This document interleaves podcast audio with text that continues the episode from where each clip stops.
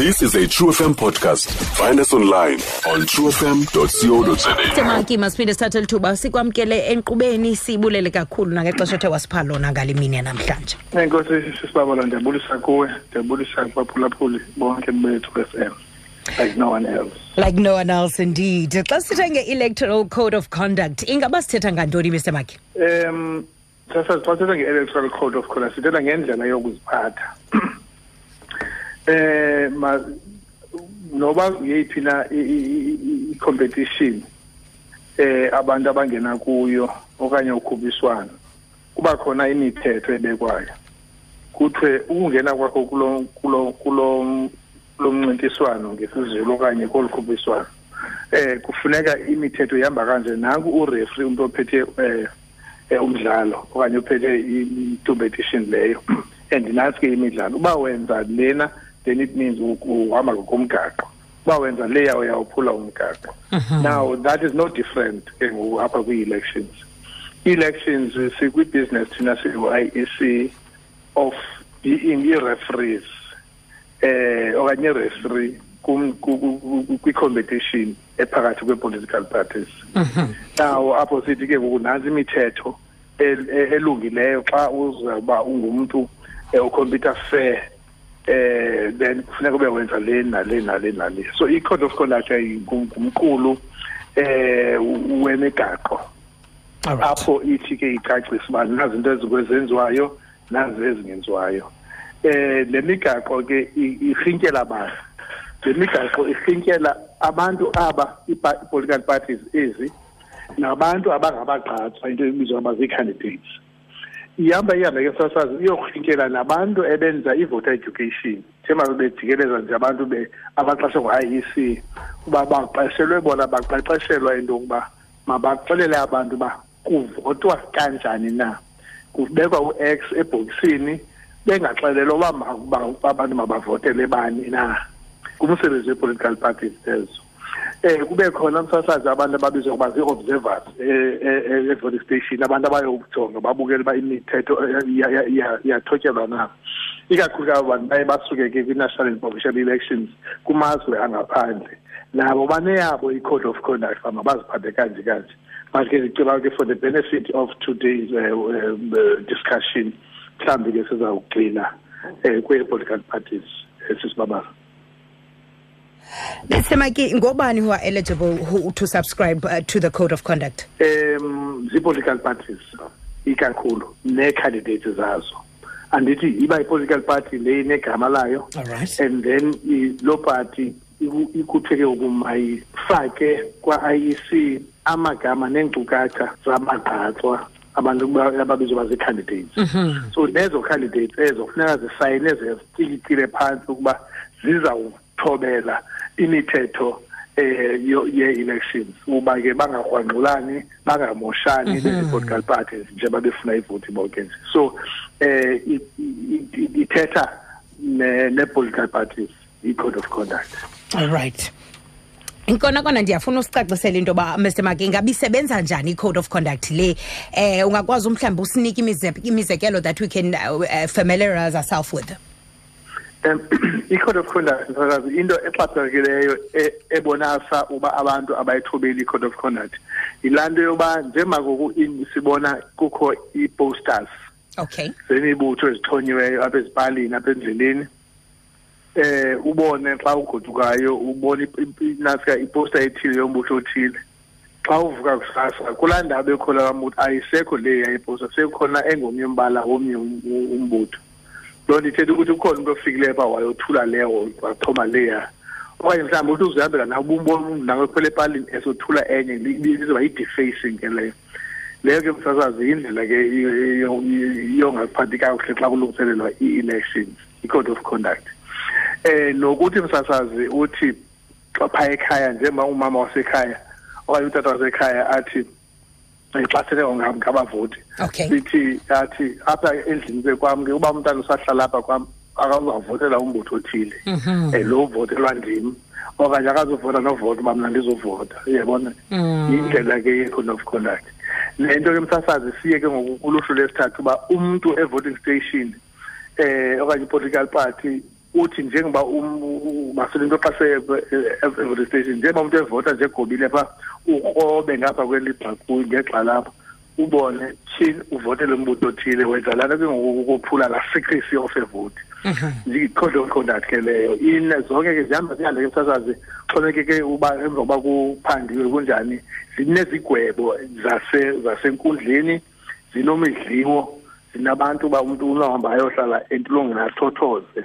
Xa efunyenwe enze into eserious kakhulu kwezi zinto ndizibalayo all right. Mesemaki masibaleke very quickly. Um siyokroba phaa evenkileni ukhumbule ke wona mphulaphuli phaa ekhaya if you just join us. Um ngale mina namhlanje ke sijonge electoral code of conduct sikwanaye ke. Okanye ke sincokola naye mr siyabonga maki. Yena kuyimanager phaa kwa-electoral operations. Ephuma ke yena ke phaa kwa-iec you have any questions regarding electoral code of conduct? Ofuna uyiqonda ngale mini namhlanje? Khawuleza kusitsalele ke yona kumnxeba wethu phaa ku-086 035 2212 drop us your comments as well phaa kumakhasi wethu onxibelelwano sikhona um singu-true fm spelt tru and then you can just a hashtag incoko This episode of Civic Education is proudly brought to you by the SABC Radio Education in partnership with the IEC on True FM. SABC Education, enriching minds, enriching lives.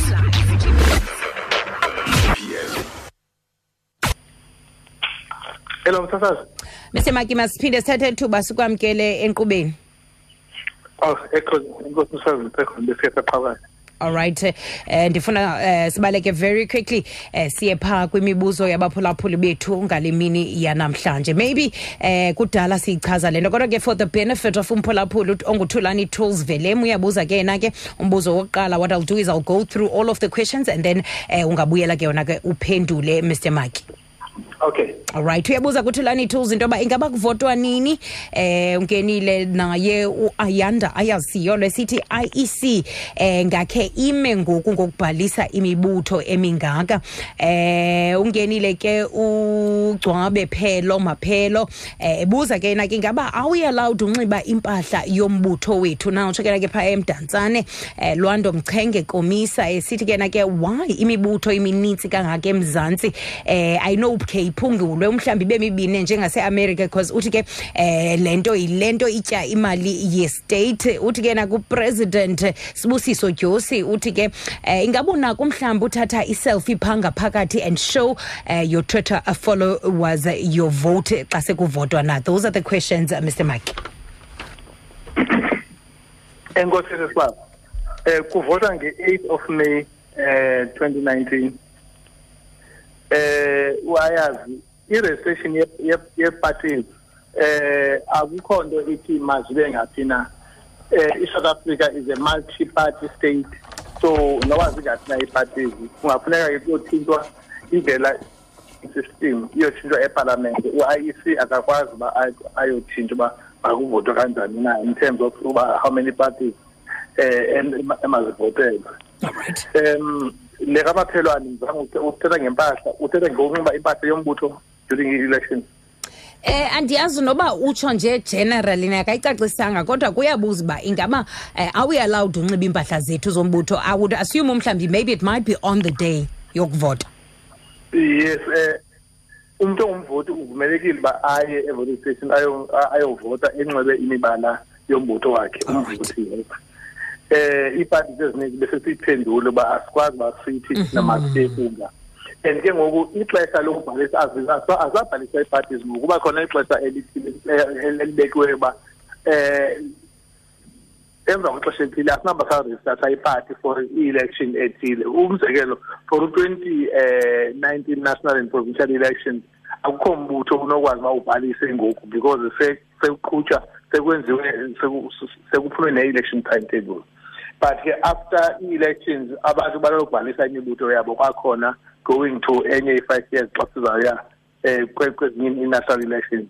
But for local government elections imibutho emitsha izawubhalisa abantu xa befuna asinakwazi uba sibanqande ukuthatha iselfie um xa uvota okanye emva kokuba uvotile ubonise uba uvotile ntoni na yinto ku- ku- kukuphula umthetho ukwenza loo nto leyo. Kuba kaloku the law says that your vote is your secret.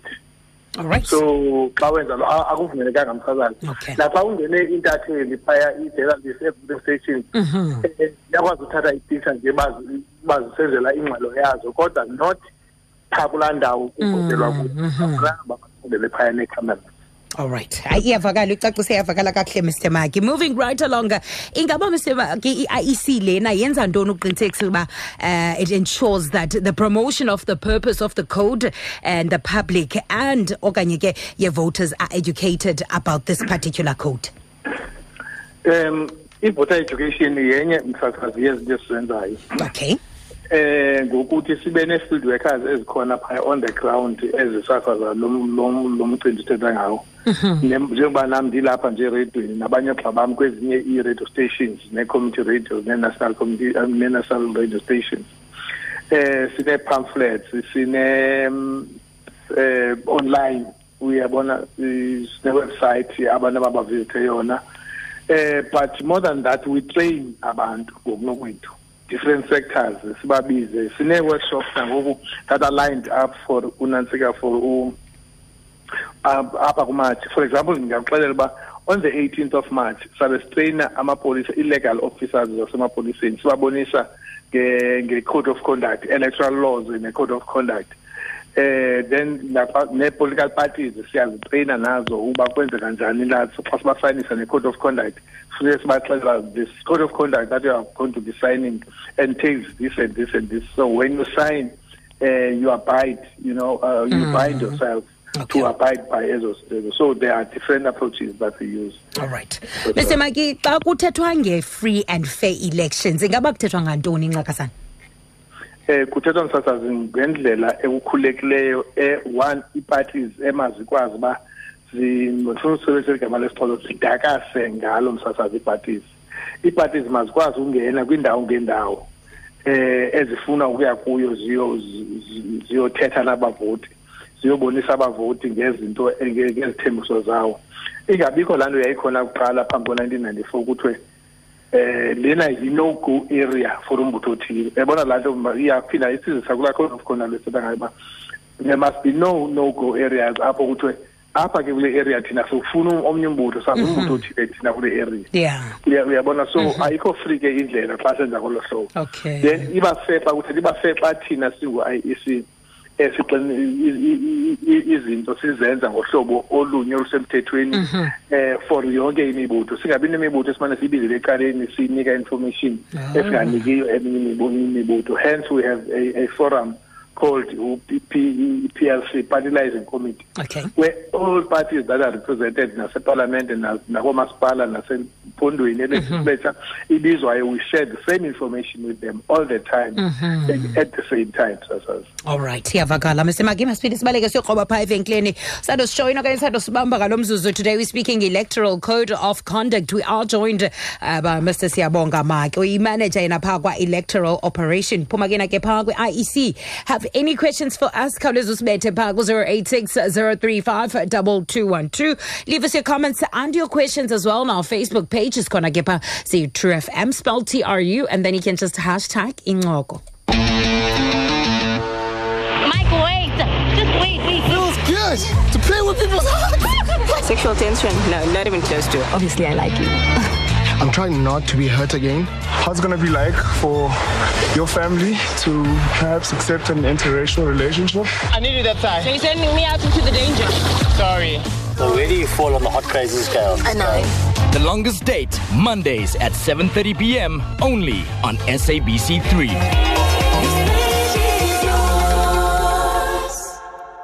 Nobaba Lachi on True FM like no one else. This episode of Civic Education is proudly brought to you by the SABC Radio Education in partnership with the IEC on True FM. SABC Education, enriching minds, enriching lives. Imizuzu isibhozo before sibe kanti siyafika phaa kwintsimbi yesixhenxe right here on trafm like no one else wena mntu usandongena masithathe lithuba sikwamkele kwinkqubo incoko yona kuyiphathelwa ngoba kwa-sabc education bebambisene nayo i-true fm uhleli nam kubabalwa xowachu kunye um sakohlukana phaa ngentsimbi yesixhenxe today we're looking at electoral code of conduct uh, phaa emnxebeni. We are joined by mr siyabonga maki yena koyimaneja phaa kwa-electoral operation ophuma kena ke phaa kwe- SABC should wena ube ufuna uba inxalenye yale nkqubo eh yangalimini namhlanje usibetha nje with your questions as well as your comments on 086 035 2212 okanye ukuqhagamshelana nathi phaa kumakhasi wethu onxibelelwano. Sikhona ke phaa kwifacebook page yethu engu-true fm spelled tru and then you can just hashtag incoko. Mr maki once again let us welcome you onto the show Thank you, Mrs. All right. Now, uh, Mr. Mikey, I don't know if this is a fair question, but however, uh, I will just go ahead and ask you. Ingaba zingapi parties that do actually adhere uh, to electoral code of conduct? Msasazi zonke iparties eh ziya eh adhere to i code of conduct really eh but iba ngabantu abambalwa nje lento kuthiwa iminqandandana ngesixhosa abantu abaye baphume ecaleni.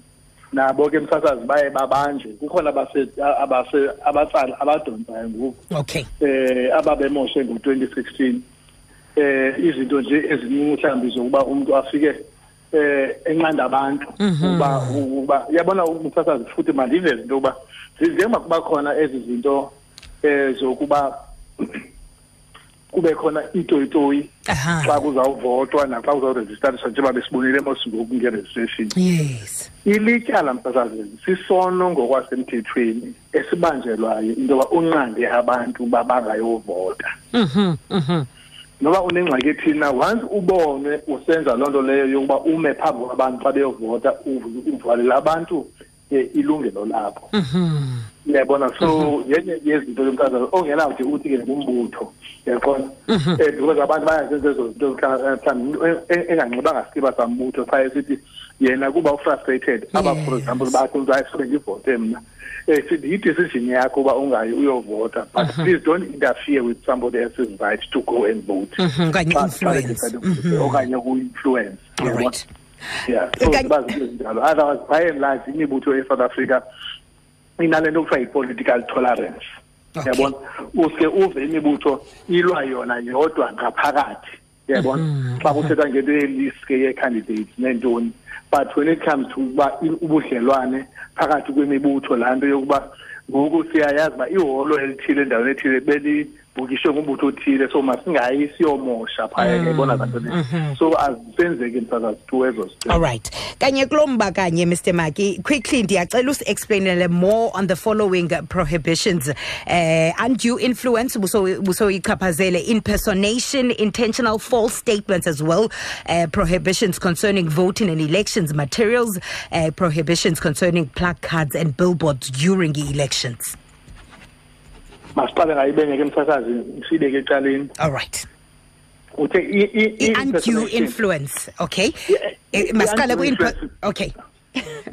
undue influence msasazi kulapho uthi eh leba ngiqale ngayo ndithi uthi jonga ap- akuzuvote lo mbutho othile. Eh, ngum- ngumntanami okanye ngunkosazi wam apha endlini uzawuvotela into ethile. Yabona yi-undue influence leyo okanye uthi uba uvotanga awuzuyifumana inkamnkam yakho. Mm, mm. uyayibona? um izinto ezinjalo yi-undue influence leyo. Oka uba uthi ungavoti okanye uthi uvotele umbutho othile uyanyanzelisa ndiza kubona makhulu. Ndinayo indlela yokubona mna xa uvotile. Uyabona izinto okuthiwa ke iyo very so that is undue influence siye Siya ku-impersonation. impersonation msasazi kulapho uzawufika khona uthi ndithunywa ngu-IEC Aha. um ndilipolisi uthi u-IEC mandizothatha le ballot box yalapha um ndiyafuna endaweni ethile. Elo xesha uzowuba i-ballot boxes um i-presiding officers zitreyiniwe ke msasazi uba makunga- i- i- i- umntu ophatha i- i- i-ballot box mnye kwi-presiding officer. Namapolisa lana asincedisayo ukugada uba bukhona istation abavumelekanga uba makayibambe i-ballot paper yethu I mean, i-ballot box. Nokunye mhlawumbi kokuthi ufike mhlawumbi kanti uthathe i-ID yomnye umuntu ufike pha uthi uyovota all right. yabanjeka nayo msakazi Mhm. Intentional false statements. kulapho ufika ufika uthethe into engekhoyo uthethe amampunge msasazi eh nalalo le ndithethayo uba ufike uthi ungumntu ongenguye Okay. All right. So Yeah. ibufanaga. And also the last two prohibitions concerning voting, voting and election materials and prohibitions concerning placards and billboards during the elections. eh during elections msasazi i-placards zi- kuvumelekile uba abantu mabaziphathe iiplacards bazixhome kodwa into engafunelekanga yinto yokuba abantu maba- mababe nerali okanye babe nentlakaniso zezopolitiko and iiplacards azivumelekanga ngaphakathi kwi-voting station that is okanye apha eyadini. Uyabona once ungene kulaa ndawo i-demarcated ivalwe uba kuzawungena khona abavoti phangaphakathi awuvumelanga uba ungene uphathe ii- iiplacards zakho. Alright uh, mr maki umhlambi eh khona umhlambi into unqwenela uyikhumbuza abaphulaphuli bethu xa siza kohlukana. Eh msasazi xa sithetha nge-code of conduct eh, ndifuna nje ukutsho ndithi i- i-code of conduct into es- eserious. Eh si- nemithetho iye yenziwa ngokuba for ukukwazi ukuba maziphandwe izinto ze-elections sihambe ziyotsho enkundleni. Kukhona ne nento ebizwa ngoba yi-electoral court. Alright i-electoral court msasazi gets activated kanye ngeli xesha and zii-judges zalapha emzantsi afrika ezi-highly qualified and experienced ezihlala kulaa court. Mm-hmm. Apho ithi imithetho edibene fact ii-offences mm-hmm. ezidibene nee-elections zixoxe khona msasazi abantu bagwetye so it's an equivalent of a high court. So userious kakhulu umgcibo wakhona. Sithi ke noko mabangathi ungayenzi into ezawuda uba abantwana bakho bekubona mhlawumbi nabazukulwana xa bebhada etrongweni ubuze uba tata okanye tata omkhulu ntoni apha uthi hayi mntanam ndandizothula ibhalo ndandizothula iposta it's not worth it so Alright. userious umgcibo we-code of conduct All right, Mr. Maki masibulele kakhulu uh, with all that relevant information uh, that you shared with us ngale mini namhlanje. Sithi kuwe uh, ube nobusuku. Enkosi sisibazi Stream True FM online on truefm.co.za. sikho yonke indawo ngalo lonke ixesha like no one else